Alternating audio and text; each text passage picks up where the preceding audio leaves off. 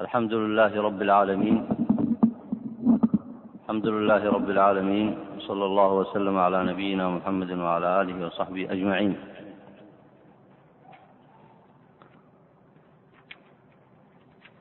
هذا الدرس عنوانه بعض بدع التصوف والجواب عنها.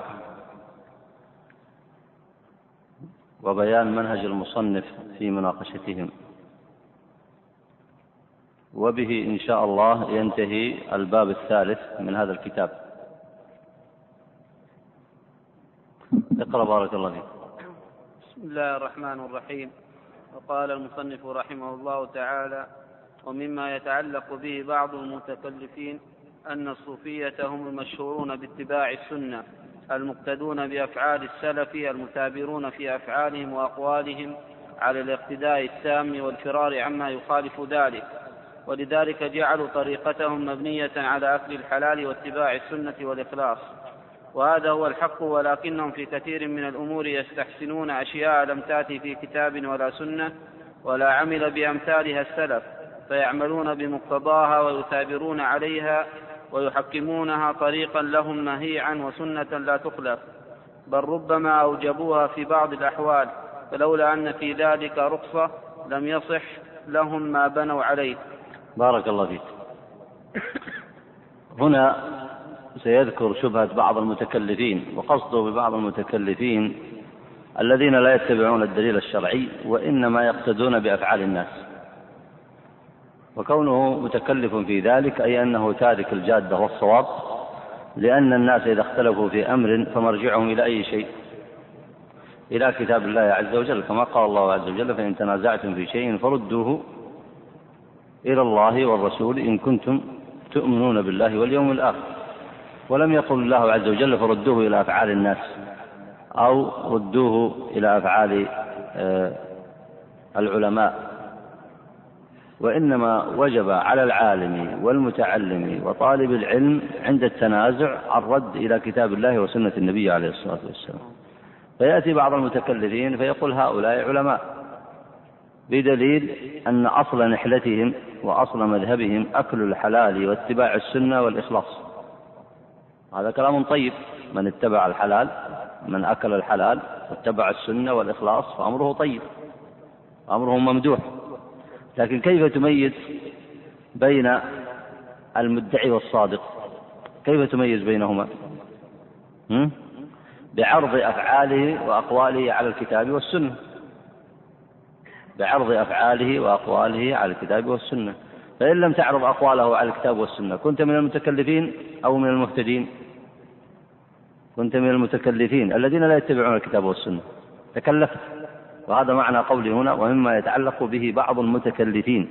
يعني يتركون الطريق الصواب ويقولون ما يفعله فلان وفلان هو الصواب وإن لم نرجع إلى كتاب الله وسنة النبي عليه الصلاة والسلام. فإذا قلت له ما حجتك؟ قال كيف يخطئ فلان وكيف يخطئ علان؟ وهذه حجة باطلة وهذه حجة باطلة. فتنبه لقولي هنا ومما يتعلق به بعض المتكلفين. بأي شيء تعلقوا تعلقوا بشيء فهموه هم أنفسهم. فهموه هم أنفسهم. فهموا هذا الكلام. لكن في الحقيقة فهمهم ليس بصواب. قالوا أن الصوفية هم المشهورون باتباع السنة المقتدون بأفعال السلف المثابرون في أفعالهم وأقوالهم على الاقتداء التام. والفرار عما يخالف ذلك كيف نعرف هذا؟ هذا قول يحتاج أن يصدق بالعمل أو لا. إذا صدقه العمل والمقصود بالعمل المتبع للكتاب والسنة فنعمة ونعمة عين. وإن لم يصدقه العمل فليس بمقبول. ولذلك هنا قال ولذلك. شوف ولذلك هذا تعليله. قال ولذلك جعلوا طريقتهم مبنية على أكل الحلال واتباع السنة والإخلاص. افرض أن إنسانا جعل طريقته في أول أمره صحيحة الشرط عليه أن يبقى مع هذه الطريقة الصحيحة أليس كذلك؟ وإلا فإن كثيرا من المسلمين مثلا لما تسأله عن أصل دينه وأصل حاله قال أنا أحب الخير وأحب الهداية لكن ما دليل ذلك؟ ما الدليل؟ صبره على الطاعة والعبادة فإن لم يصبر فلا ينفعه أنه يقول كنت كذا وكنت كذا وكنت كذا. فأصل هذه النحلة لما بدأت كان منهم من يصبر على أكل الحلال واتباع السنة والإخلاص. لكن الشاهد لذلك أن يكون الإنسان صابرا على السنة وصابرا على العمل في ما جاء عن الله ورسوله صلى الله عليه وسلم. ماذا قال المصنف هنا؟ قال وهذا هو الحق. ماذا يقصد بقوله هذا؟ أن أكل الحلال واتباع السنة والإخلاص هذا أمر طيب. قال ولكنهم لماذا استدرك هنا ما فائدة الاستدراك؟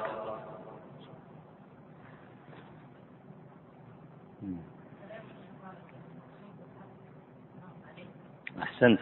حتى لا يصحح قول المتكلف قول القائل أن الصوفية هم المشهورون باتباع السنة. قال ولكنهم في كثير من الأمور الضمير يعود في لكنهم إلى من؟ إلى التصوف إلى أهل التصوف. قال ولكنهم في كثير من الأمور يستحسنون أشياء لم تأتي في كتاب ولا سنة ولا عمل بأمثالها السلف. وهذا الذي سماه الابتداع وهذا الذي سماه الابتداع. فيعملون بمقتضاها ويثابرون عليها ويحكم ويحكمونها طريقا لهم. فلذلك تنبه إلى هذا المعنى. والآن سيأتي يذكر من البدع المشهورة عندهم سيذكر بعضها لأن البدع البدع التي ذكرت عنهم كثيرة جدا لكن سيذكر بعضها وسيجيب عن كل واحدة على حدة. تفضل بارك الله من ذلك أنهم يعتمدون في كثير من الأحكام على الكشف والمعاينة وخرق العادة فيحكمون بالحل والحرمة ويثبتون على ذلك الإقدام والإحجام. كما يحكى عن المحاسب أنه كان إذا تناول طعاما فيه شبهة ينبض له عرق في أصبعه فيمتنع منه. وقال الشبلي اعتقدت وقتا ألا آكل إلا من حلال فكنت أدور في البراري فرأيت شجرة تين فمددت يدي إليها لآكل فنادتني الشجرة احفظ عليك عهدك لا تأكل مني فإني ليهودي. وقال إبراهيم الخواص دخلت خربة في بعض الأسفار في طريق مكة بالليل فإذا فيها سبع عظيم فخفت فهتف بي هاتف أثبت فإن حولك سبعين ألف ملك يحفظونك. فمثل هذه الأشياء إذا عرضت على قواعد الشريعة ظهر عدم البناء عليها إذ المكاشفة أو الهاتف المجهول أو تحريك بعض العروق لا يدل على التحليل والتحريم لإمكانه في نفسه. وإلا لو حضر ذلك حاكم أو غيره لكان يجب عليه أو يندب البحث عنه حتى يستخرج من يد واضعه بين أيديهم إلى مستحقه. ولو هتف هاتف بأن فلانا قتل المقتول الفلاني أو أخذ مال فلان أو زنى أو سرق أكان يجب عليه العمل بقوله أو يكون شاهدا في بعض الأحكام بل لو تكلمت شجرة أو حجر بذلك أكان يحكم الحاكم به أو يبني عليه حكم شرعي هذا مما لا يعهد في الشرع مثله. بارك الله فيك. هنا تستطيعون مع إدراك المناقشة أن آه، تستنبطوا منهج المؤلف في مثل هذه المناقشات. المصنف الآن الشاطبي اعتمد على ماذا؟ اعتمد إلى الرجوع إلى الأصل ومعرفة الأحكام الشرعية والعلم أو اعتمد على ما يقولون. ولذلك هو ناقشهم هنا بمنهج الفقهاء والعلماء. من الصحابة والتابعين ومن بعدهم. وهذا المنهج يعتمد على الكتاب والسنة يعتمد على الدليل. أما القصص المذكورة عن فلان وعن فلان وعن فلان فهذه إما أن تكون حكاية عن حاله وحاله ليس بحجة وحاله ليس بحجة وإما أن تكون من القصص الذي يقال فيه كذا وكذا. فإذا صح أن فلانا صنع كذا وأن فلانا صنع كذا وأن فلانا صنع كذا فما الحجة في ذلك؟ إن كان له دليل شرعي فالحجة لأي شيء لفعله أو للدليل للدليل الشرعي وإن لم يكن له دليل شرعي ففعله من سائر أفعال الناس من سائر أفعال الناس فلاحظوا هنا أولا أن منهج الاستدلال عند أهل السنة ما هو منهج الاستدلال عند أهل السنة؟ من يذكره؟ تفضل. أصول أهل السنة الكتاب والسنة والإجماع والقياس. ومضى معكم أن القياس لا بد أن يكون على على دليل شرعي. كذا ولا لا؟ والإجماع لابد أن يكون له مستند شرعي لابد أن يكون دليل. فإذا عاد الأمر إلى أن كل مسألة لابد لكي نصححها لابد من دليل شرعي من الكتاب والسنة. فأفعال المخلوقين ليست بأدلة. أفعال المخلوقين ليست بأدلة إلا أفعال النبي عليه الصلاة والسلام. فهنا ذكر إيش؟ ذكر الرؤى والكشف والمعاينة وخلق العادة. هل تصلح هذه لاستنباط الأحكام؟ بالحل والحرمة؟ هذا ليس منهجا إسلاميا صحيحا. لكن الصوفية تركوا العلم كما تعلمون يتركون العلم. إذا تركوا العلم والتعلم بنوا على أي شيء؟ بنوا على أقوال مشايخهم وأفعالهم. وأفعال مشايخهم يرون أن لها عصمة لأنهم يعرفون ما لا يعرف الناس. طيب يعرفون ما لا يعرف الناس ويطلعون على ما يطلع الناس. وقد مضى معكم أنهم يجعلون لهم خصوصية معينة حتى أنهم جعلوا الولي أفضل النبي وهم يعلمون ما لا يعلم الناس ويطلعون على ما لا يطلع عليه الناس. ومن ثم فإن أفعالهم لا بد أن تكون صحيحة. ومجرد وقوع الفعل منهم يعتبر إيش؟ حجة شرعية. لو حكمت هذا المنهج على الخلق والعباد في الأرض ماذا تصنع في الناس؟ تهديهم إلى الكتاب والسنة ولا تضلهم عن الكتاب والسنة؟ فمتى كانت أفعال المخلوقين حجة على كتاب الله وسنة نبيه عليه الصلاة والسلام؟ الكشف هو أن يكشف له شيء من أمر الغيب. المعاينة كذلك خلق العادة أن تخلق تخلق له العادة الجارية. فيقول هذا حلال وهذا حرام من عند نفسه. باجتهاده هو بقدراته فيما يظنه من الكشف والمعاينة. الأول تأمل الآن الأمثلة. طبعا المصنف قبل أن يذكر الأمثلة لأنها لا تحتاج إلى وقفة كبيرة هذه الأمثلة لكن المصنف ناقشهم قال أن هذا ليس من أصول أهل السنة. يعني يريد السنة لا يجوز له أن يقرب مثل هذا. الذي يريد السنة ويريد أن يحيا بها ويريد طريق النجاة لا يجوز له أن يستبدل الذي هو أدنى بالذي هو خير. لا يجوز له أن يترك الكتاب والسنة إلى أقوال الخلق وأفعالهم. فقال هذا لا يصلح أن يكون عمدة في التحليل والتحريم. ما العمدة في التحليل والتحريم؟ الكتاب والسنة. تشريع الأحكام والتحليل والتحريم.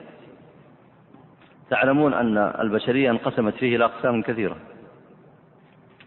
منهم من يقولون مثل ما قال هؤلاء نحن أعلم لأننا نأخذ عن طريق المعاينة والكشف وأنتم تأخذون عن طريق الكتاب والسنة وهذا يسمونه علم إيش؟ علم الحقيقة وهو مقدم عندهم على علم الشريعة ما معنى علم الحقيقة؟ أي أنهم عرفوا الحق بطريق المعاينة والكشف والاطلاع على الغيب ونحن نسأل هنا كما يسأل العلماء قل هاتوا برهانكم إن كنتم صادقين. اعطنا برهان أن الله أطلع فلانا أو فلانا أو فلانا على الغيب. من أين يأتي المدعي بدليل؟ أنت الآن من أين عرفت أن النبي محمد صلى الله عليه وسلم أطلعه الله على الغيب؟ من أين عرفت هذا؟ بالحجة بالمعجزة. وكذلك سائر الأنبياء. ولا يمكن أن تصدق إنسانا أن الله أطلعه على الغيب لأن هذه دعوة الغيب. دعوة بدون دليل.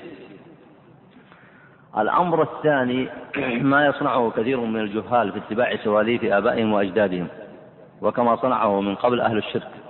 ماذا كيف يحتجون على التحليل والتحريم؟ ماذا يقولون؟ إنا وجدنا آباءنا على أمة وإنا على آثارهم مقتدون. لكن تقول هات دليل برهان يقول ما عندي دليل برهان وهؤلاء يقولون إنا وجدنا من قبلنا من صالحين يعاينون ويكتشفون عن طريق علم خاص. فنحن نقول لهؤلاء وهؤلاء قل هاتوا برهانكم إن كنتم صادقين. ومنهم من يقول نحن أعلم بمصالحنا الدنيوية كما يصنع القانون الوضعيين وغيرهم فيخترعون الأحكام من عند أنفسهم. ويقال لهؤلاء أيضا قل هاتوا برهانكم إن كنتم صادقين. وكل من ادعى التشريع والتحليل والتحريم كل من ادعى التحليل والتحريم بغير دليل من الشرع ويقال له قل هاتوا برهانكم إن كنتم الصادق الآن منهج المصنف واضح وهو أنه يناقش مناقشة علمية واضحة أن التحليل والتحريم ليس مبناه قول فلان أو علان لا عن طريق الكشف والمعاينة ولا عن طريق تقليد مشايخه أو أهل بلده أو تقليد آبائه وأجداده ولا عن طريق اختراع الأحكام سواء بالصورة السابقة أو بأي صورة متجددة. ليس هذا هو طريق التحليل والتحريم. وإنما يعلم طريق التحليل والتحريم الحق من كتاب الله وسنة النبي عليه الصلاة والسلام. ثم أيضا آه، ناقشهم من ناحية عملية أخرى وهي أن القاضي هل يحكم بمثل بالمعاينة والكشف أو يحكم بالكتاب والسنة؟ القاضي الشرعي. ما أسألكم عن القاضي القانوني. القاضي القانوني يحكم بماذا؟ بالقانون بغير الكتاب والسنة. والذين يحتكمون إلى سوالف آبائهم وأجدادهم يحكمون بماذا؟ بسواليف آبائهم وأجدادهم. والذين يحتجون بمثل هذا. الآن تحريم هذا الطعام بأي حجة؟ لو كان هذا الطعام فعلا آه، ليس له. الذي يقول ينبض له عرق في إصبعه. القاضي يحكم بأن هذا الطعام لفلان أو فلان بمثل هذا؟ ما يحكم بهذا. هذا يترتب عليه حكم شرعي. المعاينة والكشف لا تترتب عليها أحكام شرعية. طبعا المصنف هنا لم يذكر الرؤى وهي باب من الأبواب التي هي أصل من الأصول عند التصوف استنباط الأحكام. فيقول رأى الشيخ الفلاني رؤيا كذا وكذا. الرؤى ماذا ينبني فيها في أحكام الشريعة؟ ماذا ينبني عليها؟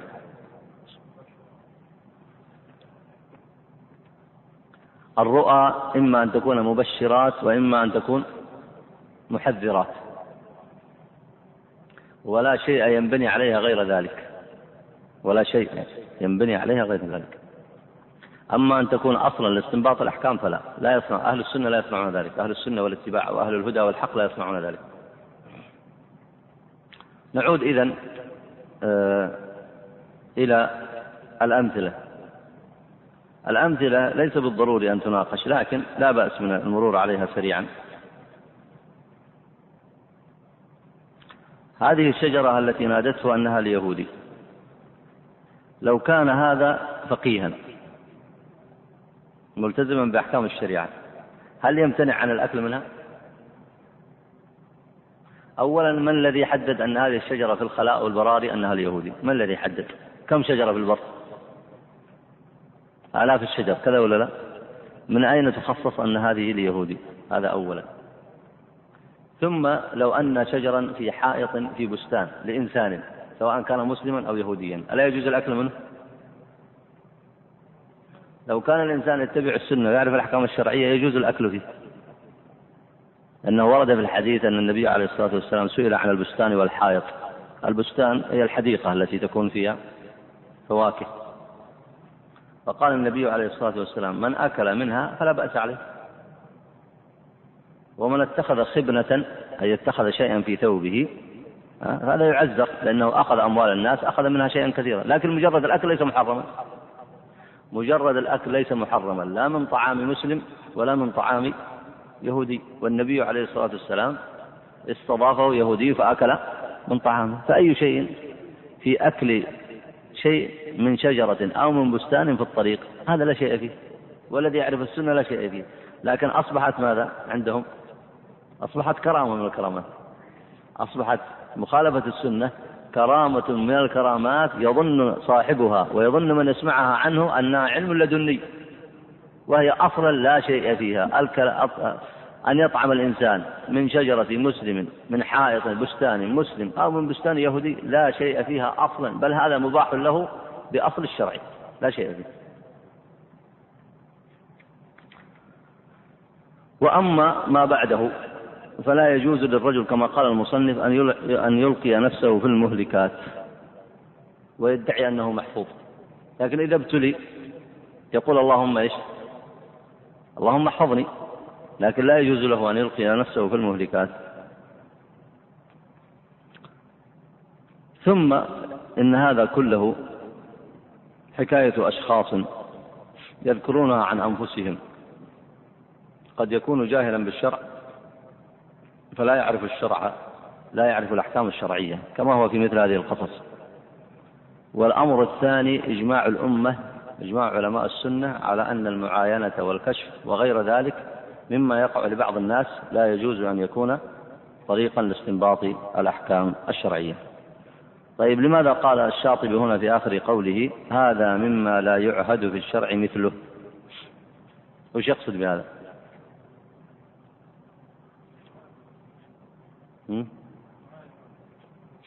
وش يقصد بقوله ما لا يعهد في الشرع مثله؟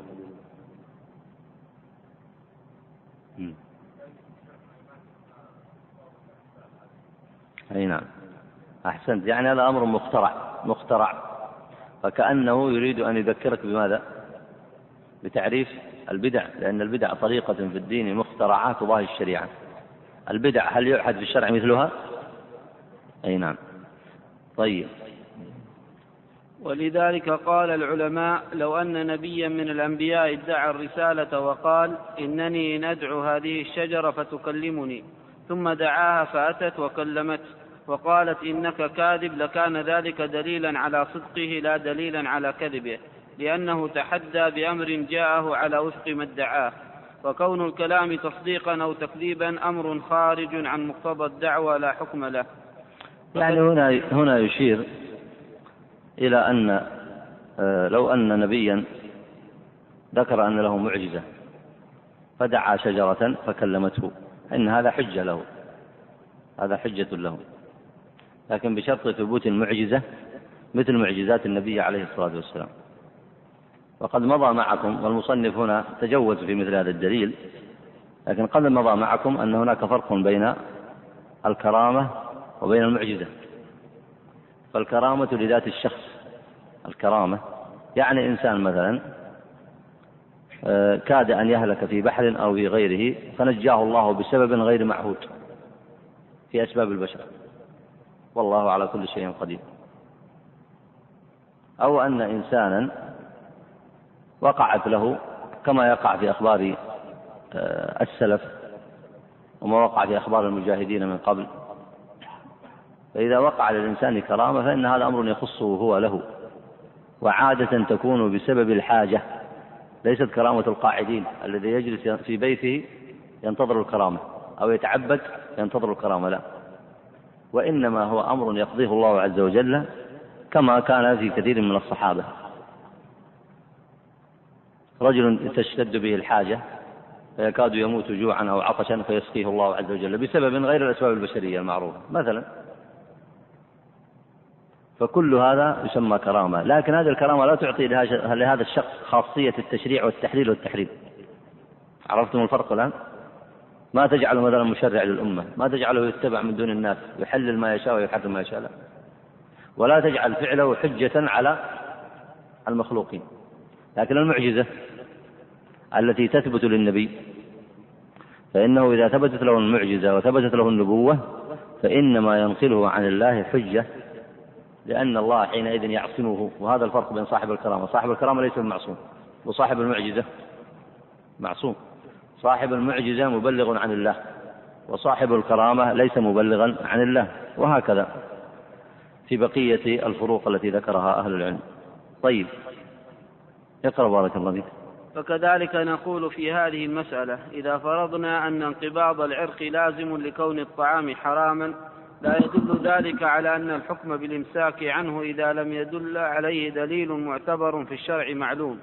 وكذلك مسألة الخواص فإن التوقي من مضان المهلكات مشروع فخلافه يظهر أنه خلاف المشروع وهو معتاد في أهل هذه الطريقة. وكذلك كلام الشجرة للشبلي من جملة الخوارق وبناء الحكم عليه غير معهود. ومن على حال تأخذ من هذه القاعدة أن أفعال البشر وأقوالهم غير الأنبياء المعصومين عليهم الصلاة والسلام ليست حجة على الخلق إلا إذا كان قول القائل أو فعله مبنيا على كتاب الله وسنة النبي عليه الصلاة والسلام. فالمرجع في الأحكام والشرائع والعقائد هو الكتاب والسنة والكتاب والسنة مبلغة عن الله عن طريق المعصومين وقد انقطع الوحي بعد محمد صلى الله عليه وسلم. فلا حجة لأحد إلا في كتاب الله وسنة نبيه محمد صلى الله عليه وسلم. طيب اقرأ الشبهة الثانية. ومن ذلك أنهم يبنون طريقهم على اجتناب الرخص جملة حتى إن شيخهم المصنف الذي مهد لهم الطريقة أبا القاسم القشيري قال في وصية في باب وصية المريدين من رسالته إن اختلف على المريد فتاوى الفقهاء يأخذ بالأحوط ويقصد أبدا الخروج على الخلاف فإن الرخص في الشريعة للمستضعفين وأصحاب الحوائج والأشغال وهؤلاء الطائفة يعني الصوفية ليس لهم شغل سوى القيام بحقه سبحانه. ولهذا قيل إذا انحط الفقير عن درجة الحقيقة إلى رخصة الشريعة فقد فسخ عقده مع الله ونقض عهده فيما بينه وبين الله. نسأل الله السلامة والعافية الجرأة في الأحكام الشرعية والقول على الله بغير علم أمر عظيم خطير جدا. آه الآن منهج الشاطبي في المناقشة بدأ بالبدعة الأولى وأجاب عنها وهذه البدعة الثانية. لكن انظر هذه الصياغة لو لو تسمعها وأنت لست متأمل للعلم ولست متذكر لأصولك العلمية تقول هذا الكلام جميل. أولا الفقير المقصود به الصوفي هنا. ما الذي جعل أخذه بالرخصة؟ فسخا لعقده مع الله الذي هو الدين والخير ونقض لعهده فيما بينه وبين الله عز وجل. من الذي حكم بهذا؟ ها؟ حكم بهذا الجاهلون. من الذي يحكم بهذا؟ إنسان يعبد الله عز وجل وأخذ بالرخصة الذي جعلها الله له كما أخذ النبي بالرخصة. النبي إذا سافر يأخذ بالرخصة ولا ما يأخذ بالرخصة؟ يقصر الصلاة ولا ما يقصر الصلاة؟ رخصة هذه أو لا؟ ويفطر في السفر ولا ما يفطر؟ هذه رخصة أو لا؟ هذه رخصة. فما الذي جعل المتعبد المسكين هذا؟ إذا أخذ بالرخصة حكموا عليه فقالوا انقطع عهدك وعقدك ونقضت العهد الذي بينك وبين الله عز وجل. أليس هذه جرأة على الله؟ الأمر الثاني الرخص الشريعة للمستضعفين وأصحاب الحوائج والأشغال. إيش رأيكم بالكلام هذا؟ ها؟ الرخصة لعامة المسلمين قويهم وضعيفهم بدليل النبي كان يأخذ بالرخصة ولا لا؟ والنبي من المستضعفين وأصحاب الحوائج والأشغال؟ شوف الإنسان لما يزكي نفسه شوف لاحظ هذه عبارة فيها تزكية يعني الرخصة ما هي لنا نحن لسنا من أصحاب الحوائج والأشغال ولسنا من المستضعفين. لما تزكي نفسك بهذه التزكية وأزكي نفسي بهذه التزكية إيش يحصل فيه وفيك هذا مرض. الناس يعتبرونه يعني كلام جميل. هذا مرض تزكية للنفس. كيف تزكي نفسك أنك أنت أنت من المستضعفين؟ ولا من أصحاب الحوائج والأشغال. يعني إيش؟ يعني, يعني من المقربين. ثم تجعل الرخص لهؤلاء. أما أنت ما تحتاج إلى الرخصة ونسيت أن النبي عليه الصلاة والسلام كان يترخص في سفره عليه الصلاة والسلام. يقصر الصلاة وكان عليه الصلاة والسلام يفطر في السفر. لكن هذا الجهل هذه عاقبة الجهل بأحكام الشريعة والتعالي. الإنسان لما يرى نفسه أحسن من الناس ها يصاب بمثل هذه الأمراض. أول قوله إن اختلف على المريد فتاوى الفقهاء. إذا اختلفت عليك فتاوى الفقهاء أنت ماذا تصنع؟ ماذا تصنع؟ تتبع الدليل. لأن كنت لا تعرف الدليل.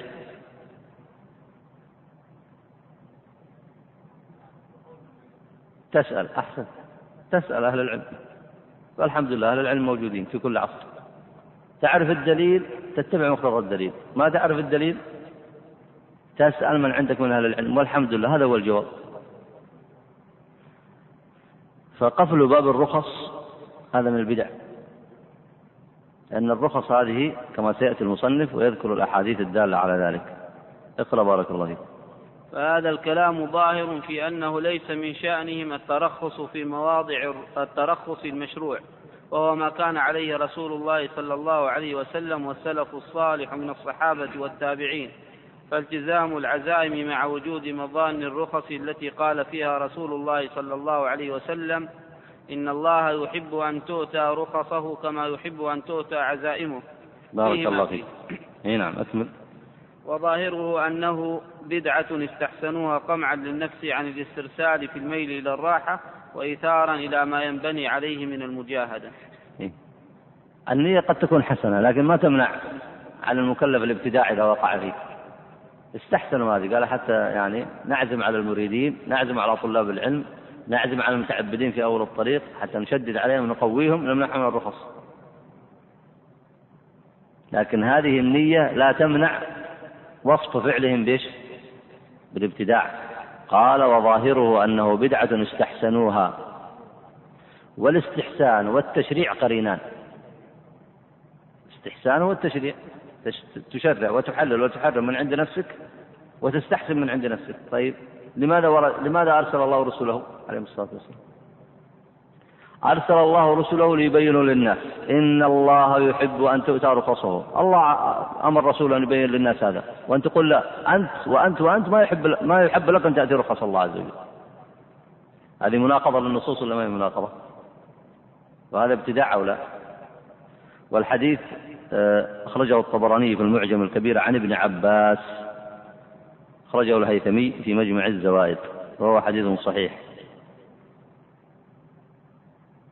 طبعا منهج المصنف هنا في المناقشة اتبع ماذا؟ بأي شيء ناقشهم هنا؟ ناقشهم بالنص ناقشهم بالدليل وقولهم الذي ذكره القشيري مصادم لقول النبي عليه الصلاة والسلام أي نعم. اقرأ بارك الله فيك. ومن ذلك أن القشيري جعل من جملة ما يبني عليه من أراد الدخول في طريقهم الخروج عن المال فإن ذلك الذي يميل إليه به عن الحق ولم يوجد من يدخل في هذا الأمر ومعه علاقة من الدنيا إلا جرته تلك لعلاقة عن قريب إلى ما منه خرج. إلى آخر ما قال وهو في غاية الإشكال مع ظواهر الشريعة بارك الله فيك. هذه الآن بدعة واضحة. سيناقشها المصنف. الخروج عن المال. إيش معنى الخروج عن المال؟ معناه الزهد؟ الزهد معنى؟ ترك المال بالكلية. النبي كان من الزاهدين ولا لا؟ كان عنده مال ولا يروح يشحد الناس عليه الصلاة والسلام؟ وأبو بكر وغيره. كان عنده مال ولا لا؟ وهو من الزاهدين. فالزهد غير الخروج من المال. الخروج من المال ينخلع من جميع ماله. يعني بكرة يصير صفر ما عنده شيء. ويعتبرون هذا إيش؟ شريعة. يعتبرون هذا حكما شرعيا. يوجبونه على أتباعهم. اقرأ مناقشة الشاطبي. وهو في غاية الإشكال مع ظواهر الشريعة لأننا نعرض ذلك على الحالة الأولى وهي حالة رسول الله صلى الله عليه وسلم مع أصحابه الكرام. إذ لم يأمر أحدا بالخروج عن ماله ولا أمر صاحب صنعة بالخروج عن صنعته ولا صاحب تجارة بترك تجارته وهم كانوا أولياء الله حقا والطالبون لسلوك طريق الحق صدقا. وإن سلك من بعدهم ألف سنة لم يبلغ شأوهم ولم يبلغ هداهم. هذا الصدق مع الله عز وجل. لو جاء من كان بعد الصحابة فعبدوا الله ألف سنة. عبدوا الله ألف سنة. وهم على السنة ما بلغوا مبلغ هؤلاء. فكيف إذا خالفوا عن السنة؟ آه الإنسان إذا اجتهد لنفسه وترك طريق الوحي فإنه لا بد أن يضل جزما سواء كان معه نية حسنة أو نية فاسدة. إن كان معه نية فاسدة فضلال على ضلال. مثل أتباع القوانين الوضعية تركوا أحكام الشريعة فضلوا.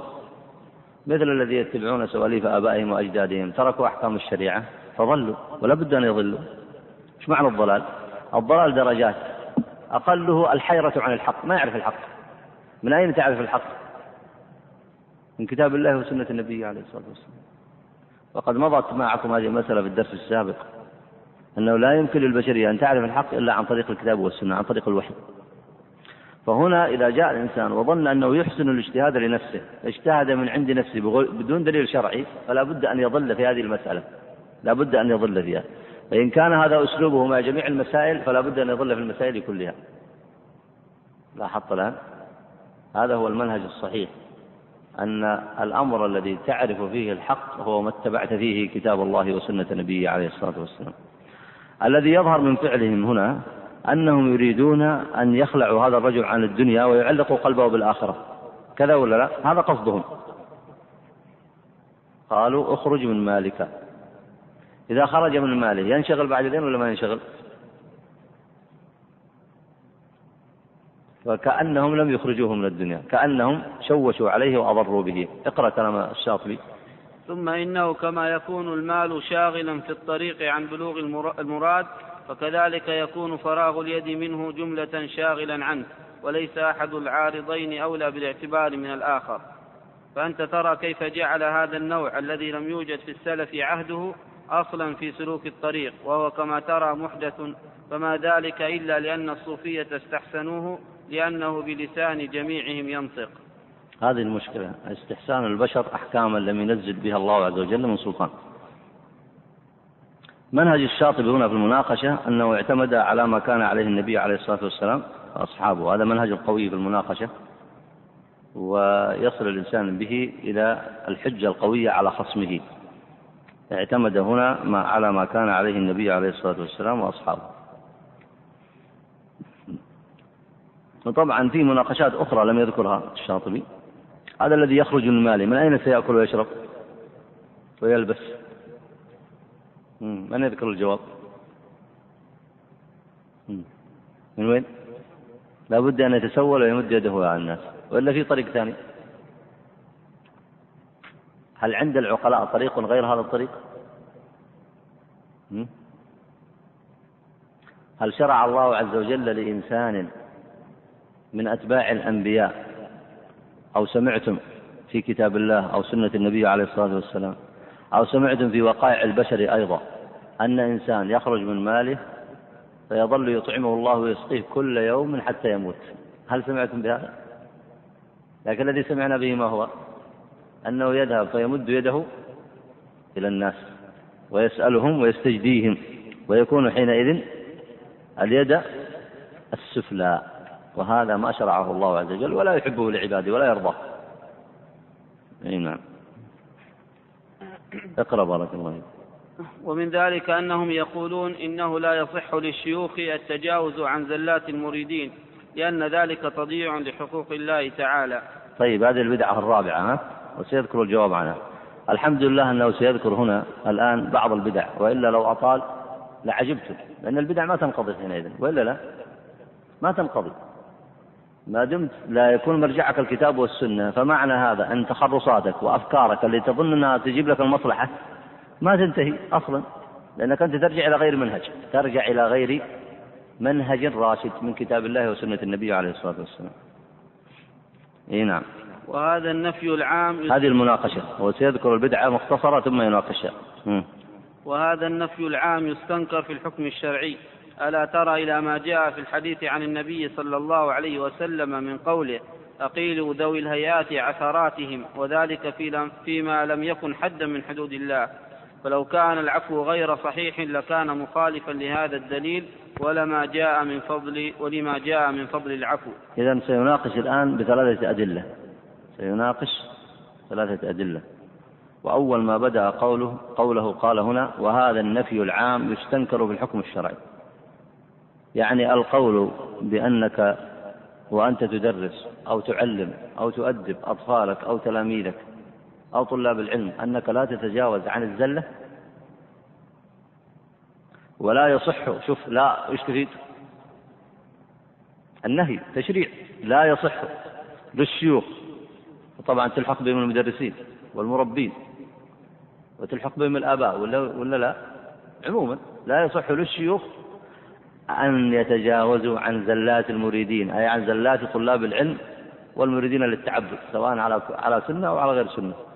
لأن ذلك تضييع لحقوق الله تعالى. هذا الدليل. عرفت الآن الدعوة والدليل؟ الدعوة أنه لا يجوز التجاوز عن الزلات. والدليل على الدعوة ما هو؟ في دليل من الكتاب والسنة؟ ما في.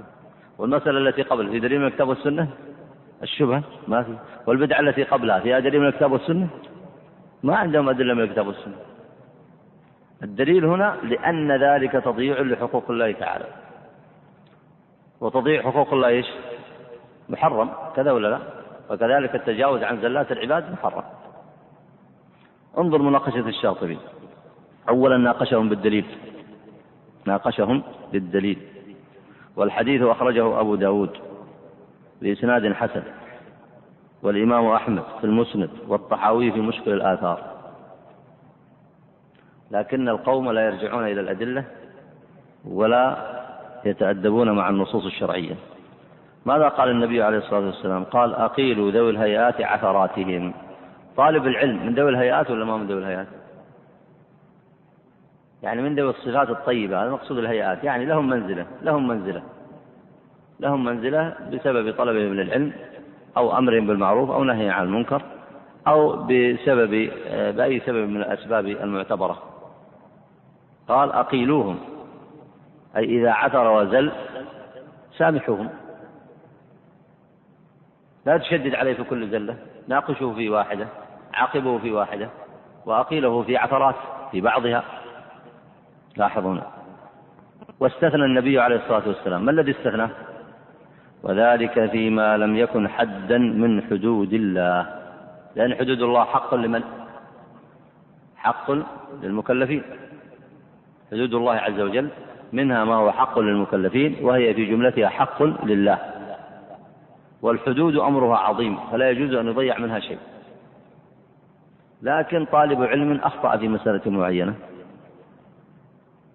تلميذ أخطأ عند أستاذه في الفصل.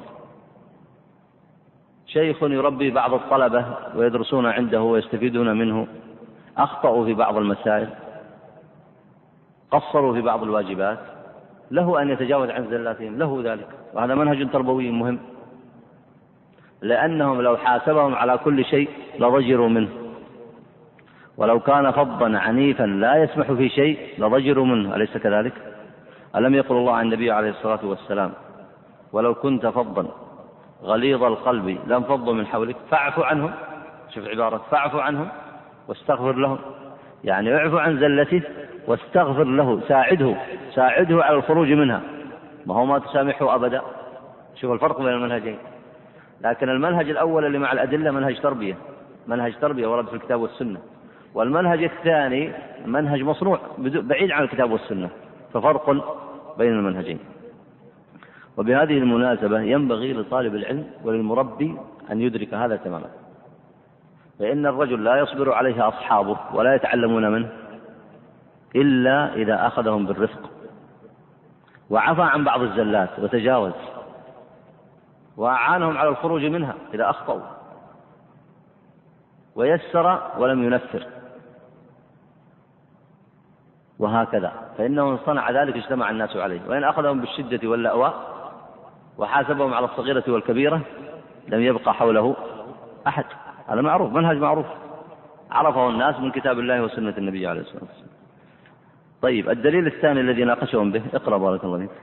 وأيضا فإن الله يحب الرفق ويرضى به ويعين عليه ما لا يعين على العنف. ومن جملة الرفق شرعية التجاوز والإغضاء. إذ العبد لا بد له من زلة وتقصير ولا معصوم إلا من عصمه الله. نعم. طبعا هنا ما نطيل بهذا الموضوع لكن الذي يرجع للسيرة يعلم كيف أدب النبي عليه الصلاة والسلام أصحابه. النبي أدبه الله عز وجل وعلمه ثم أدب به أصحابه رضوان الله عليهم الصحابة يقع منهم أشياء في الجهاد وفي القتال خالد بن نويرة خالد بن الوليد. وأنتم تذكرون هذه القصة. خرج في معركة من المعارك فوجد مالك بن نويرة وأصحابه جاءوه يقولون صبأنا صبأنا صبأنا.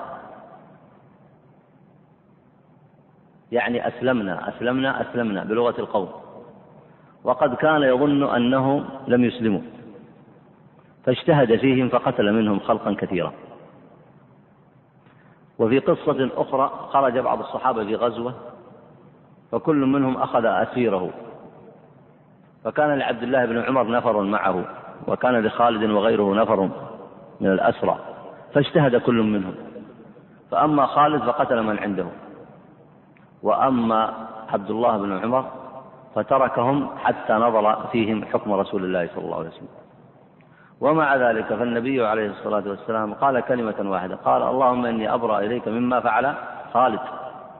ثم استفاد من جهوده في القتال بعد ذلك واستفاد من جهوده بين المسلمين ولم يعتبر هذه القضية مشكلة ضخمة تسد الطريق على أصحابه رضوان الله عليهم. ولا شك أن هذه زلة زلة من صحابي رضوان الله عليهم.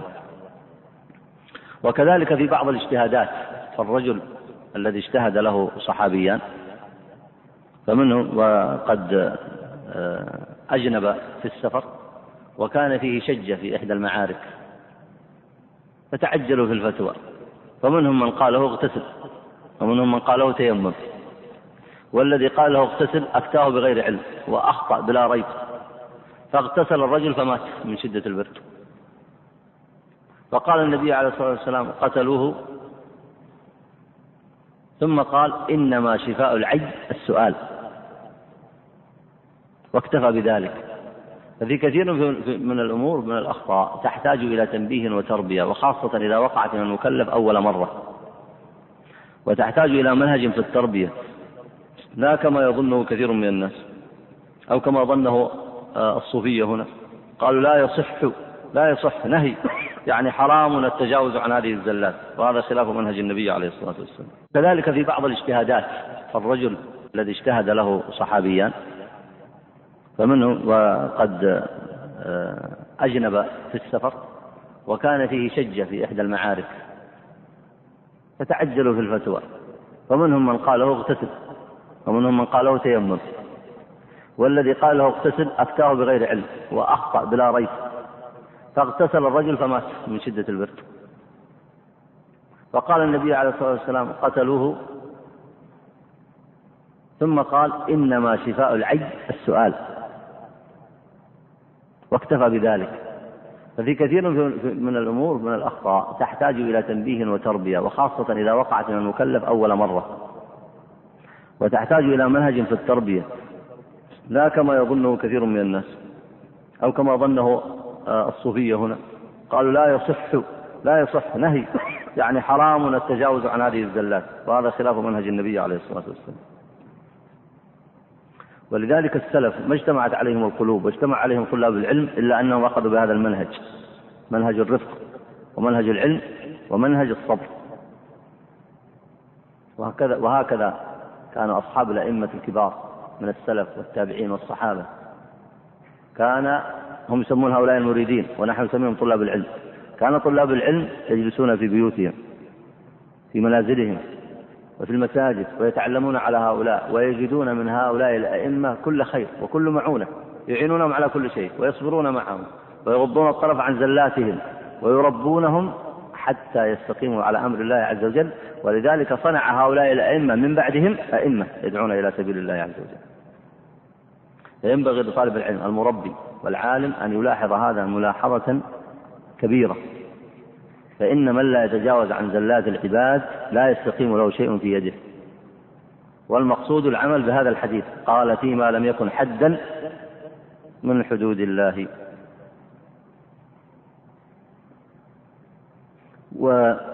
والقاعدة أيضا الذي أشار إليها المصنف. قال إذ, إذ العبد لا بد له من زلة وتقصير ولا معصوم إلا من عصمه الله. فإذا صحح خطأه. إذا وقع في الزلة ثم استجاب للتربية ثم صحح خطأه. لما لا تتجاوز عن ذلك؟ لماذا؟ إن قلت أنه لا يصح أن يزل أصلا فأنت طلبت منه المستحيل لأنه ليس بمعصوم. وهو يقول لك إن زللت فأنا أرجع إلى الصواب وأتبع الحق فماذا تريد من ذلك؟ هذا مقصود التربية الإسلامية أن يعود إلى الصواب ويعمل به.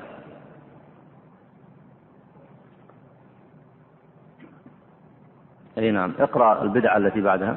ومن ذلك أخذهم على المريد أن يقلل من غذائه لكن بالتدريج شيئا بعد شيء لا مرة واحدة وأن يديم الجوع والصيام وأن يترك التزوج ما دام في سلوكه بعد. وذلك كله من ما دام في سلوكه بعد. ما دام في سلوكه بعد. وذلك كله من مشكلات التشريع بل هو شبيه بالتبتل الذي رده رسول الله صلى الله عليه وسلم على بعض أصحابه حتى قال من رغب عن سنتي فليس مني. وإذا تأمل المرء ما ذكروه في شأن التدريج في ترك الغذاء وجده غير معهود في الزمان الأول والقرن الأفضل. هذا أصل عند الشاطبي قوي وعند غيره من العلماء. وهذه البدع محدثات لا تحتاج إلى تفصيل في المناقشة لأنه معلوم أنها مصادمة للنص. ومنهج الشاطبي الاعتماد على النص في المناقشة. ولذلك جاء بالحديث وقد مضى معكم من رغب عن سنتي فليس مني. والنبي صلى الله عليه وسلم نهى عن ترك التزويج إلا أن يكون الرجل معذورا. أما يصبح ترك التزويج أصل في التربية الإسلامية فهذا أمر غريب جدا. أي نعم.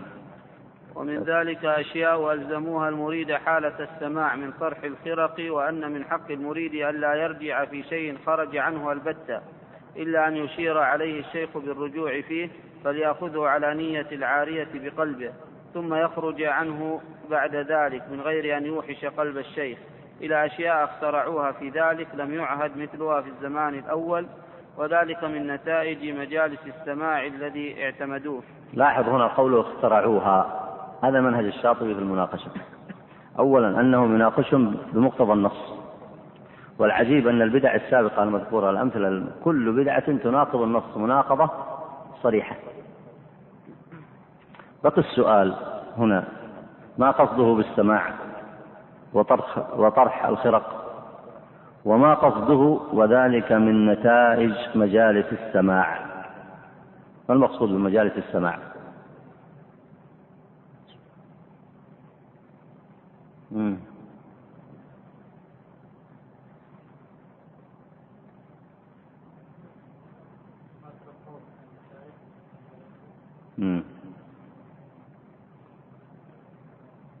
مجالس الغناء والطبل والزمر والنشيد. أو النشيد وإن لم يكن معه زمر ولا طبل. السماع يسمونه السماع الصوفي. يجتمعون صفا أو صفين يجتمعون في جلسة ثم ينشدون السماع الصوفي ينشدون الأشعار ثم يغنون بها ثم يطربون لها. وقد يضيفون بعض الأحيان معها زمر أو طبل. ثم من خلال ذلك يحصل لهم شيء, شيء يسمونه الوجد. ومن خلال هذا الوجد تقع لهم تأملات. ومن خلال التأملات تخرج لهم المسائل السابقة التي ناقشها المصنف. لاحظتم الآن؟ لأنك أنت ممكن تسأل تقول عجيب. الكلام هذا اللي يصادم النصوص صاحبه ما يفكر. المسائل السابقة التي تصادم النص مصادمة صريحة. صاحبه إما أن يعتقد النص منسوخ وهو ما يعتقد أنه منسوخ. وإما أنه لا يفهم النص ما يدري ماذا في النص أو أنه لا يريد أن يعمل به هذا أمر غريب كله.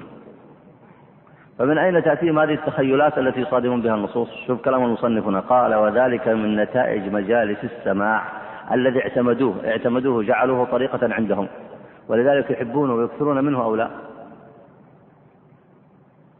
فإذا حصلت لهم هذه الأحوال والجذب الذي يحصل لهم في مجالس السماع يتخيلون أشياء. ما يتخيلونه ويتصورون أنه لا بد أن يكون حقا لأنهم جاءهم في وقت من التعبد والنشوة.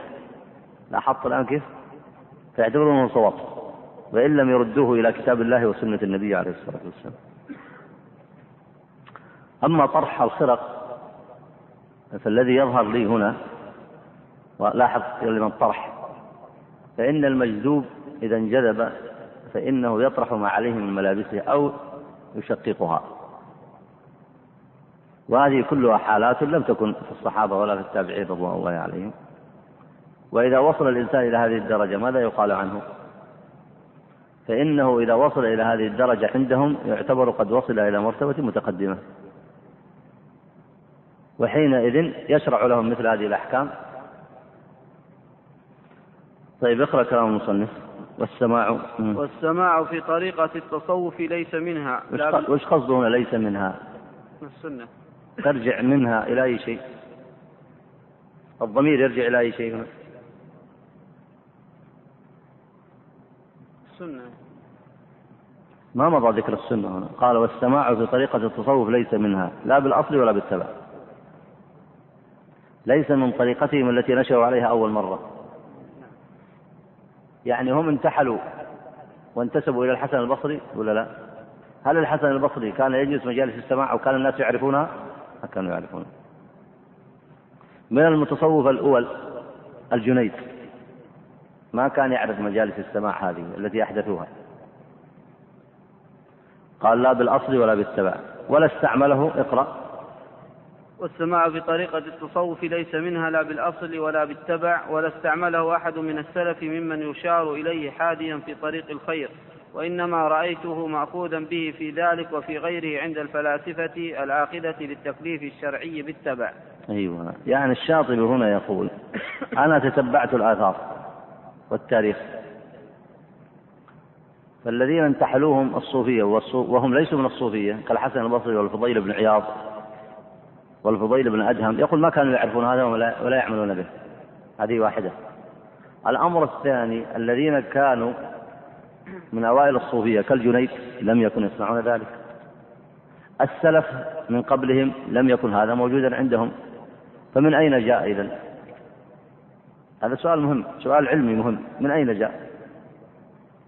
الشاطبي يجيب يذكر الجواب على هذا فيقول وجدته مأخوذا في ذلك به وفي غيره عند الفلاسفة الآخذة للتكليف الشرعي بالتبع. وش معنى التكليف الشرعي بالتبع؟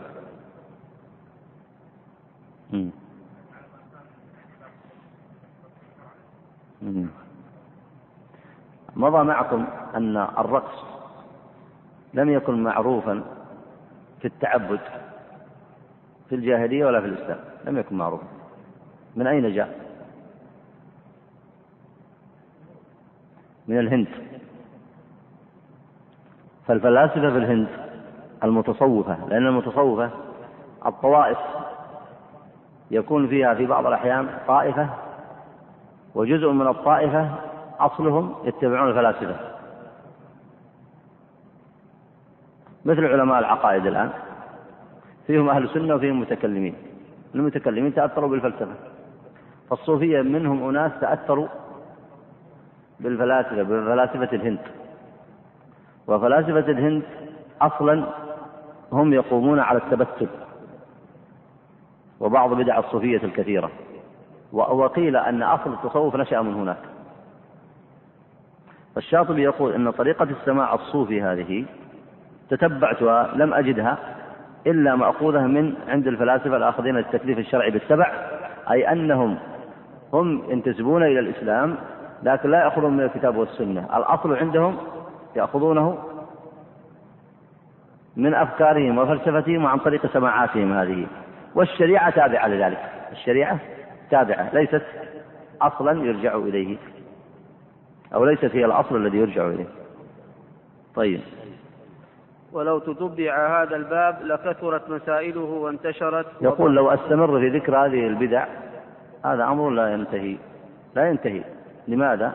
لأن كل من ابتعد عن الكتاب والسنة فإنك لا تتصور منه إلا أن يظل فيما يفكر فيه.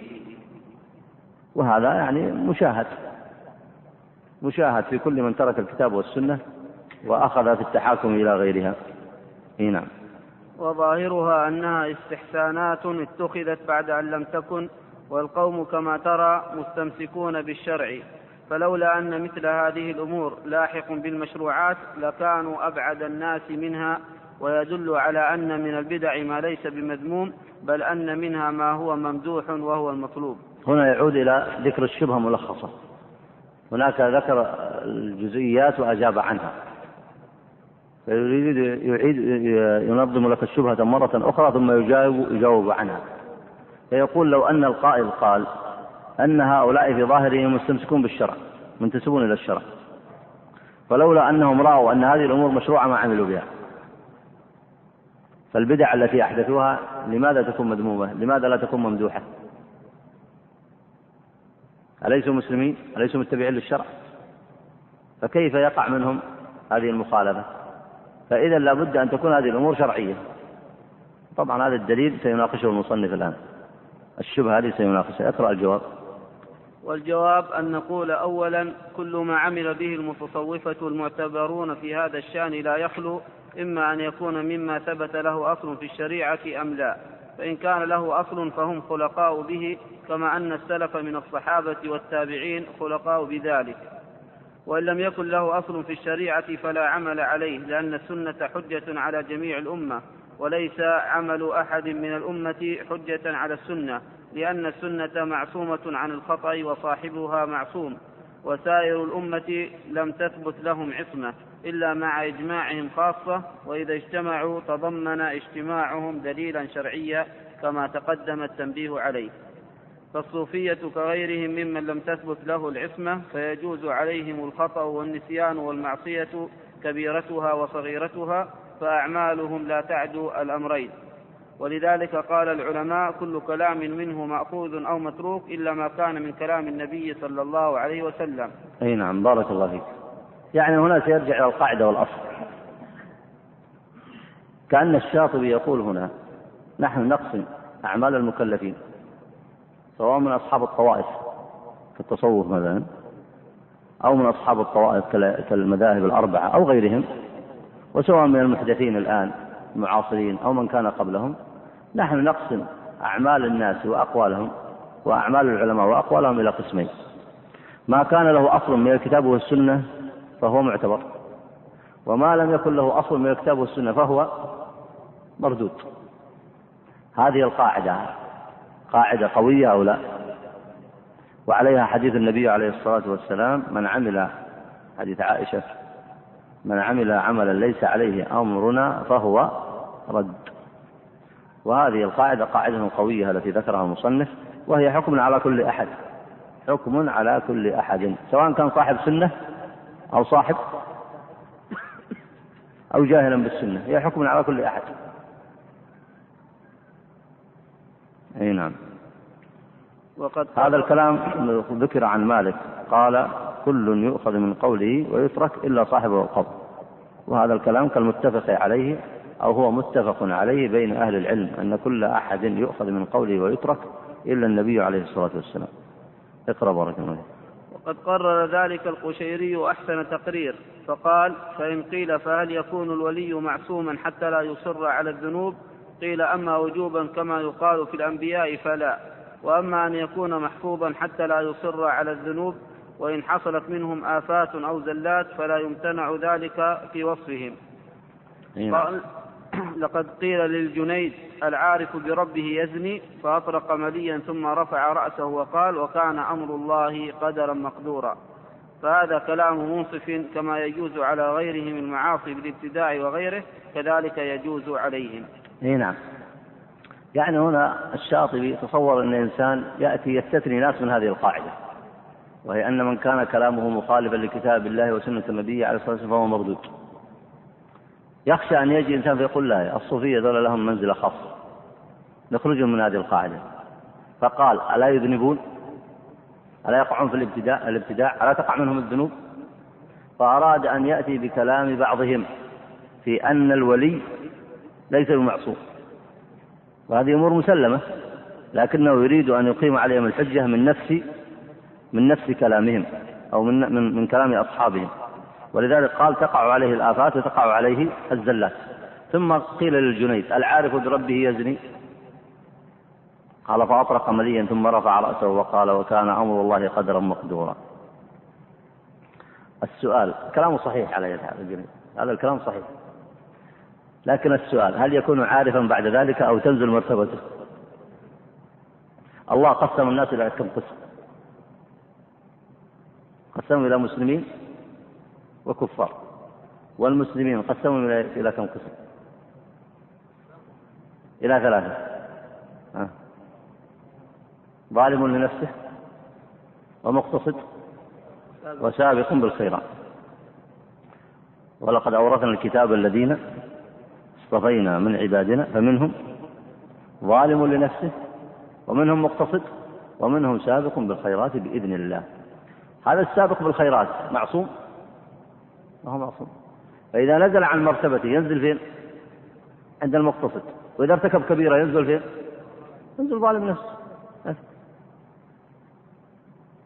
يعني ما أحد يستطيع يشترط على ربه شرطا وأنه إذا صار في هذه المرتبة ما يمكن أن ينزل. لا. لأن الناس بأعمالهم. فإذا قدر الله له العمل الصالح والتزم به واتقى الله فإن الله يسدده وإن عصى. فإنها تنزل مرتبته. فإن تاب عاد إلى مرتبته. فكلام الجنيد صحيح. لكن ما يصير عارف بربه. يصير ظالم. ظالم إيش؟ ظالم لنفسه. إذا زنى ارتكب ارتكب كبيرة فيصبح ظالم لنفسه أو لا؟ فالشاطبي هنا يحاصرهم من كل جانب يريد أن يقول إنهم مثل غيرهم تقع منهم الزلات وتقع منهم الذنوب ويقع منهم الابتداع.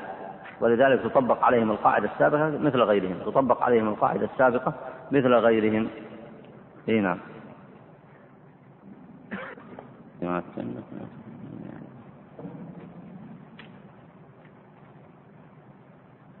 اقرأ بارك الله فيك. ثم نقول ثانيا إذا نظرنا في رسومهم التي حدوا وأعمالهم التي امتازوا بها عن غيرهم بحسب تحسين الظن والتماس أحسن المخارج ولم نعرف لها مخرجا. قرأت اللي قبله؟ نعم. فالواجب. فالواجب علينا أن نقف مع الاقتداء بمن يمتنع عليه الخطأ. من هو هذا الذي يمتنع عليه الخطأ؟ النبي عليه الصلاة والسلام. فأنت تقع تقف بالاقتداء مع النبي عليه الصلاة والسلام. يعني منهجك مرجعك سواء أصبت أو أخطأت مرجعك ومنهجك الذي ترجع إليه دائما وتحكم به على آراء الرجال هو الكتاب والسنة حتى لو أخطأت فيما بعد. لأنك إذا أخطأت يبقى المنهج في يدك أو لا؟ فتعود وتصحح خطأك. فأنت الأصل عندك والاقتداء هو بالكتاب والسنة وبالنبي عليه الصلاة والسلام. وأقوال الناس وأفعالهم محكومة بهذا المنهج. أنت بهذا على طريق سواء وكلمة سواء. حتى لو أخطأت في بعض الأحيان. لماذا؟ لأن المنهج في يدك. لكن إذا تركت المنهج وعولت على أقوال الناس فحينئذ لم يبقى بيدك شيء من منهج راشد تثبت عليه. فالواجب فالواجب علينا أن نقف مع الاقتداء بمن يمتنع عليه الخطأ ونقف على الاقتداء بمن لا يمتنع عليه الخطأ إذا ظهر في الاقتداء به إشكال. أي نعم. الذي لا يمتنع عليه الخطأ هو سائر الناس. فهنا نقف عن الاقتداء به إذا استشكلنا قوله. ونبحث عن الدليل. فإن لم نجد له دليل تركنا قوله. تركنا قوله. ما إحنا متعبدين بقول فلان أو فلان. إذا لم نجد له دليل صحيح تركنا قوله. أي نعم. بل نعرض ما جاء عن الأئمة على الكتاب والسنة فما قبلاه قبلناه وما لم يقبلاه تركناه ولا علينا. نعم تركناه ولا علينا. ليس عليك شيء. بل هذا هو الواجب عليك. إي نعم. إذ قام لنا الدليل على اتباع الشرع ولم يقم لنا دليل على اتباع أقوال الصوفية وأعمالهم إلا بعد عرضها وبذلك وصى شيوخهم. وإن كان ما جاء به صاحب الوجد والذوق من الأحوال والعلوم والفهوم فليعرض على الكتاب والسنة فإن قبلاه صح وإلا لم يصح فكذلك ما رسموه من الأعمال وأوجه المجاهدات وأنواع الالتزامات. أي نعم. طبعا هذا الموقف هو الموقف من التقليد عموما من التقليد. يعني هذه الأمة تربى ويجب أن تربى على الكتاب والسنة ولا على أقوال الرجال؟ على الكتاب والسنة. وأقوال الرجال طريق لمعرفة النصوص الشرعية لكن ليست حاكمة عليها. ليست حاكمة عليها. وش الفائدة من هذا؟ الفائدة من هذا أن الرجل والعالم في بعض الأحيان يجهل النص ولا يعلم به. وفي بعض الأحيان يجهله ويتأوله تأولا خاطئا. فأنت تذهب إلى قوله وإلا تذهب إلى النص الصريح. وتبقى كرامة العالم. العالم من أهل السنة تبقى كرامته على العين والرأس. يعني أضرب لكم مثال. قول النبي عليه الصلاة والسلام في الصحيح البخاري إذا ناب أحدكم شيء في صلاته. إذا ناب أحدكم شيء في صلاته. فلتسبح الرجال ولتصفق النساء. هذا ثابت في الصحيح. واضح في المعنى ولا ما هو واضح؟ واضح أو لا؟ به عمل أكثر العلماء. واضح معناه ولا لا؟ فلتسبح الرجال. ولتصفق النساء. قال مالك قال مالك يسبح يسبحون جميعا. مالك إمام المعتبر وعلى العين والرأس لكن الآن عمل بالحديث ولم يعمل به؟ ما عمل به. وقال أبو حنيفة إذا صفقت المرأة بطلت صلاتها عمل بالحديث ولا ما عمل بالحديث؟ ما عمل بالحديث. فإذا لو اعتبرت لو جاء إنسان فقال القول قولهم يكون وقع في ترك الحديث أو لا؟ لكن إذا كان الأصل عندك اتباع الحديث عملت بماذا؟ عملت بالحديث وعذرت هذا العالم لأنه قد يكون تأوله أو لم يعلمه. وبعض الناس يستعجب يقول صحيح ممكن عالم ولا يعلم الحديث؟ نعم يا أخي. ما في عالم يجمع الأحاديث كلها. هل سمعتم بعالم يجمع الحديث كلها؟ يجمع العلم كله يجمع لغة العرب كلها يجمع التفسير كله ما في أحد. فإذا لابد أن تربى الأمة على الكتاب والسنة ويستفاد من كلام أهل العلم ويعرف الذي معه الدليل والذي ليس معه الدليل. أي نعم. ثم نقول ثانيا إذا نظرنا في رسومهم التي حدوا وأعمالهم التي امتازوا بها عن غيرهم بحسب تحسين الظن والتماس أحسن المخارج ولم نعرف لها مخرجا فالواجب علينا التوقف عن الاقتداء والعمل بها وإن كانوا من جنس من يقتدى بهم لا ردا لهم واعتراضا بل لأننا لم نفهم وجه رجوعهم رجوعه إلى القواعد الشرعية كما فهمنا غيره. ألا ترى أننا نتوقف عن العمل بالأحاديث النبوية التي يشكل علينا وجه الفقه فيها؟ فإن سنح بعد ذلك للعمل بها وجه جار على الأدلة قبلناه وإلا فلسنا مطلوبين بذلك. ولا ضرر علينا في التوقف لأنه توقف مسترشد لا توقف راد مصطرح فالتوقف هنا بترك العمل أولى وأحرى. هنا الشاطبي بدأ يتنزل في المناقشة وإلا فطريقته الأولى أقوى وأحسن وأثبت وهي الطريقة التي عليها أهل العلم. هنا قاس أفعالهم على الأحاديث النبوية فيقول قد تجد حديثا أنت يشكل عليك معناه ماذا تصنع؟ تنتظر حتى تسأل عنه ولا لا؟ حتى تسأل عنه. ولا يجوز لك أن تعمل عملا لم يتبين لك فيه الدليل. استشكلت هذا المعنى. فلا بد أن تحيل الأمر إلى من؟ إلى من يعلمه. مثل الذي أفتى الرجل وهو يغتسل في شدة البرد أفتاه بالاغتسال. الرجل المشجوج الذي شج في رأسه أفتوه بالاغتسال فاغتسل في شدة البرد فمات. هذا لما استشكل عليه الأمر ما ينبغي كان ينبغي عليه أن يتوقف وينتظر حتى يعرف. فلا ريب أنه أخطأ. فإذا استشكل عليك أمر من الأمور فينبغي أن تتوقف حتى تسأل من هو أعلم منك هنا يقول إذا استشكلت أعمال بعض المكلفين كالصوفية أو غيرهم فكان ينبغي عليك يقول أن تتوقف لا تردها ولا تعمل بها حتى تعرف الدليل هذا في نفس من حيث النتيجة من حيث النتيجة مثل القاعدة السابقة يعني كأنك تحكم في أقوالهم بماذا؟ بالكتاب والسنة فما وافق الكتاب والسنة فهو مقبول وما لم يوافقهما فهو مردود. لكن قياس أقوالهم على الأحاديث النبوية هذا المشكل هذا قياس غريب. والمصنف ما لا يحتاج إلى ذلك على أي حال ما ذكره من القواعد الأولى كافي أي نعم. ثم نقول ثالثا إن هذه المسائل وأشباهها قد صارت مع ظاهر الشريعة كالمتدافعة. فيحمل كلام الصوفية وأعمالهم مثلا على أنها مستندة إلى دلائل شرعية إلا أنه عارضها في النقل أدلة أوضح في أفهام المتفقهين وأنظار المجتهدين وأجرى على المعهود في سائر أصناف العلماء. على أي حال هذا قول أنها مستندة إلى دلائل شرعية. هو أثبت الآن في المناقشة من قبل. إيش أثبت؟ أثبت أن البدعة التي ذكروها تصادم الأدلة الشرعية. أي نعم. ماشي. وأنظر في ألفاظ الشارع مما ظنناه مستند القوم.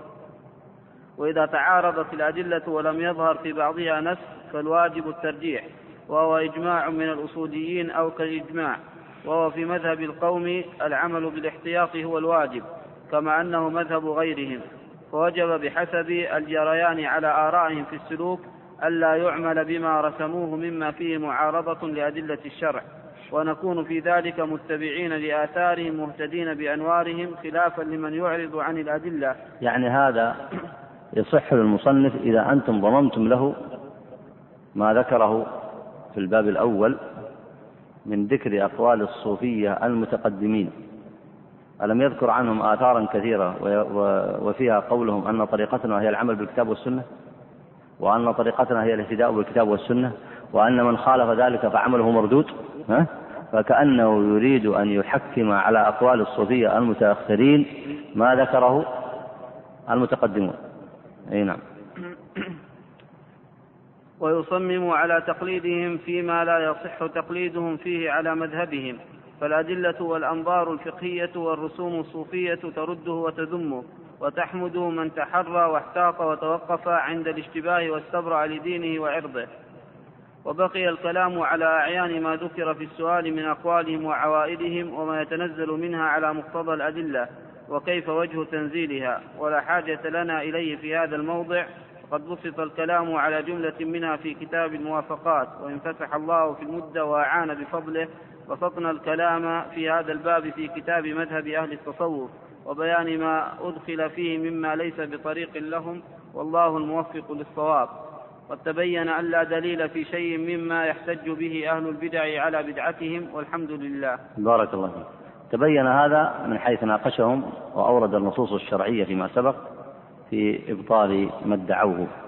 أما قوله في كتابه هذا فلا يعلم إلى الآن له كتاب آه، مخطوط في هذا. الكتب المطبوعة له هي كتاب الاعتصام وكتاب الموافقات وله كتاب في الفتاوى. وأما هذا الكتاب الذي يذكره هنا فلا يعرف عنه شيء حتى الآن والله أعلم وصلى الله على نبينا محمد وعلى آله وصحبه وسلم. الدرس القادم بمشيئة الله نبدأ في الباب الرابع في مأخذ أهل البدع بالاستدلال يعني في دراسة مناهجهم الأصولية. هذا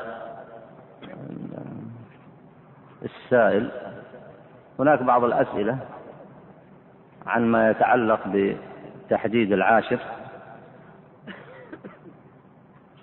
آه، يوم عاشوراء. الظاهر هو الذي عليه العمل الآن. يكون يوم عاشوراء غدا. والله أعلم من كان عنده شيء يعني في هذا الموضوع فليتحدث به. يقول هنا السائل هل من لم يأخذ بالرخص في سفره كقصر الصلاة والإفطار هل عليه إثم؟ وهل يشابه الصوفية في تعطيل الرخص؟ الجواب نعم بل بعض العلماء مثلا في الصلاة لو أن إنسانا مسافر فلم يصلي الظهر ركعتين وإنما صلى أربعة بعض العلماء يبطلون صلاته لماذا؟ ليش يبطلونها؟ لماذا يبطلونها؟ من يعرف الجواب؟ نعم لأنها الصلاة ركعتين في السفر وهذا زاد إيش؟ زاد ركعتين أنت لو صليت المغرب في الحضر وزدت ركعة تبطل صلاتك ولا ما تبطل صلاتك؟ تبطل صلاتك لأنك زدت ركعة متعمدا. فالمسافر هذا زاد ركعتين متعمدا وإلا لا؟ صلاة الظهر في السفر كم؟ ركعتين. وصلاة العصر في السفر كم؟ ركعتين. وصلاة العشاء ركعتين. فإذا زاد ركعتين فكأنه زاد ركعتين متعمدا. كذا ولا لا؟ فكما لو زاد في السفر في الحضر ركعة إلى الصلاة متعمدا ما الحكم؟ تبطل الصلاة. بعض العمل يبطل صلاته. ومنهم من لا يبطلها لكن يقولون ترك الرخصة. ترك السنة. السنة في السفر في الصلاة ركعتين كما قال ابن عمر كما قال غيره من أهل العلم. لكن تجنب آه، ترك مثل هذه الرخص هي تؤدي بالإنسان إلى التملل بالعمل بالسنة. لماذا أنت تجتهد في خلاف السنة؟ لماذا؟ لماذا لا تتأدب مع هذه الشريعة؟ لماذا لا تتأدب مع الكتاب والسنة؟ لماذا لا تتأدب مع النبي عليه الصلاة والسلام؟ يعني الله يرخص لك وأنت تقول لا ما أريد الرخصة. هل هذا أدب مع الله عز وجل؟ فينبغي الإنسان أن يتعلم الأدب مع الله عز وجل ويلتزم بالنصوص الشرعية. يقول هنا إذا كنت أنا المسؤول عن مجموعة من الأفراد في العمل ويوجد في هذه المجموعة أناس من قبيلتي. فهل يجوز لي أن أتساهل معهم في العمل؟ والتستر عليهم والتغطية عليهم مع أن الأفراد الذين ليسوا من قبيلتي أطبق عليهم النظام والقوانين الموضوعة في هذا العمل. والله هذا هذا أنت تجيب على هذا السؤال. أن تكيل بمكيالين وتزن بميزانين هذا ظلم وحيف. ما يجوز. الإنسان يتقي الله عز وجل. يقول ما هو الكتاب في العقيدة الذي تنصحني به للبدء فيه كدرس أسبوعي في مسجد الحي الذي أسكنه. درس عام للعامة. ممكن تدرس كتاب التوحيد للشيخ محمد عبد الوهاب إذا كنت تقدر على ذلك. أو تأخذ مثلا الأسئلة والأجوبة للشيخ حافظ الحكمي من الكتب المبسطة وتقوم بتدريسها.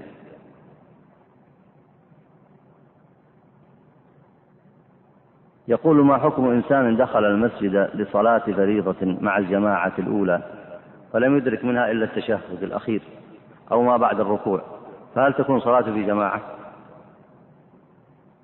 صلاته هنا يكون له فيها أجر إن شاء الله ويكون له فضل بقدر ما أدرك لكن لا يعتبر مدركا للجماعة لأنه لم يدرك الركعة لم يدرك الركعة لم يدرك الركوع الأخير قال وهل إذا سمع جماعة ثانية في المسجد فهل يخرج من صلاته الأولى ويصلي مع الجماعة الثانية؟ لا.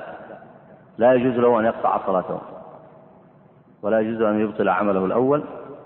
لكن إن صلى في جماعة جديدة فهل تحتسب له صلاة الجماعة؟ لو أتم صلاته الأولى ثم صلى في جماعة أخرى أي أعاد الصلاة. بعض أهل العلم يعتبر أنه بذلك أدرك الجماعة. وأكتفي بهذا المقدار وصلى الله وسلم على نبينا محمد وعلى آله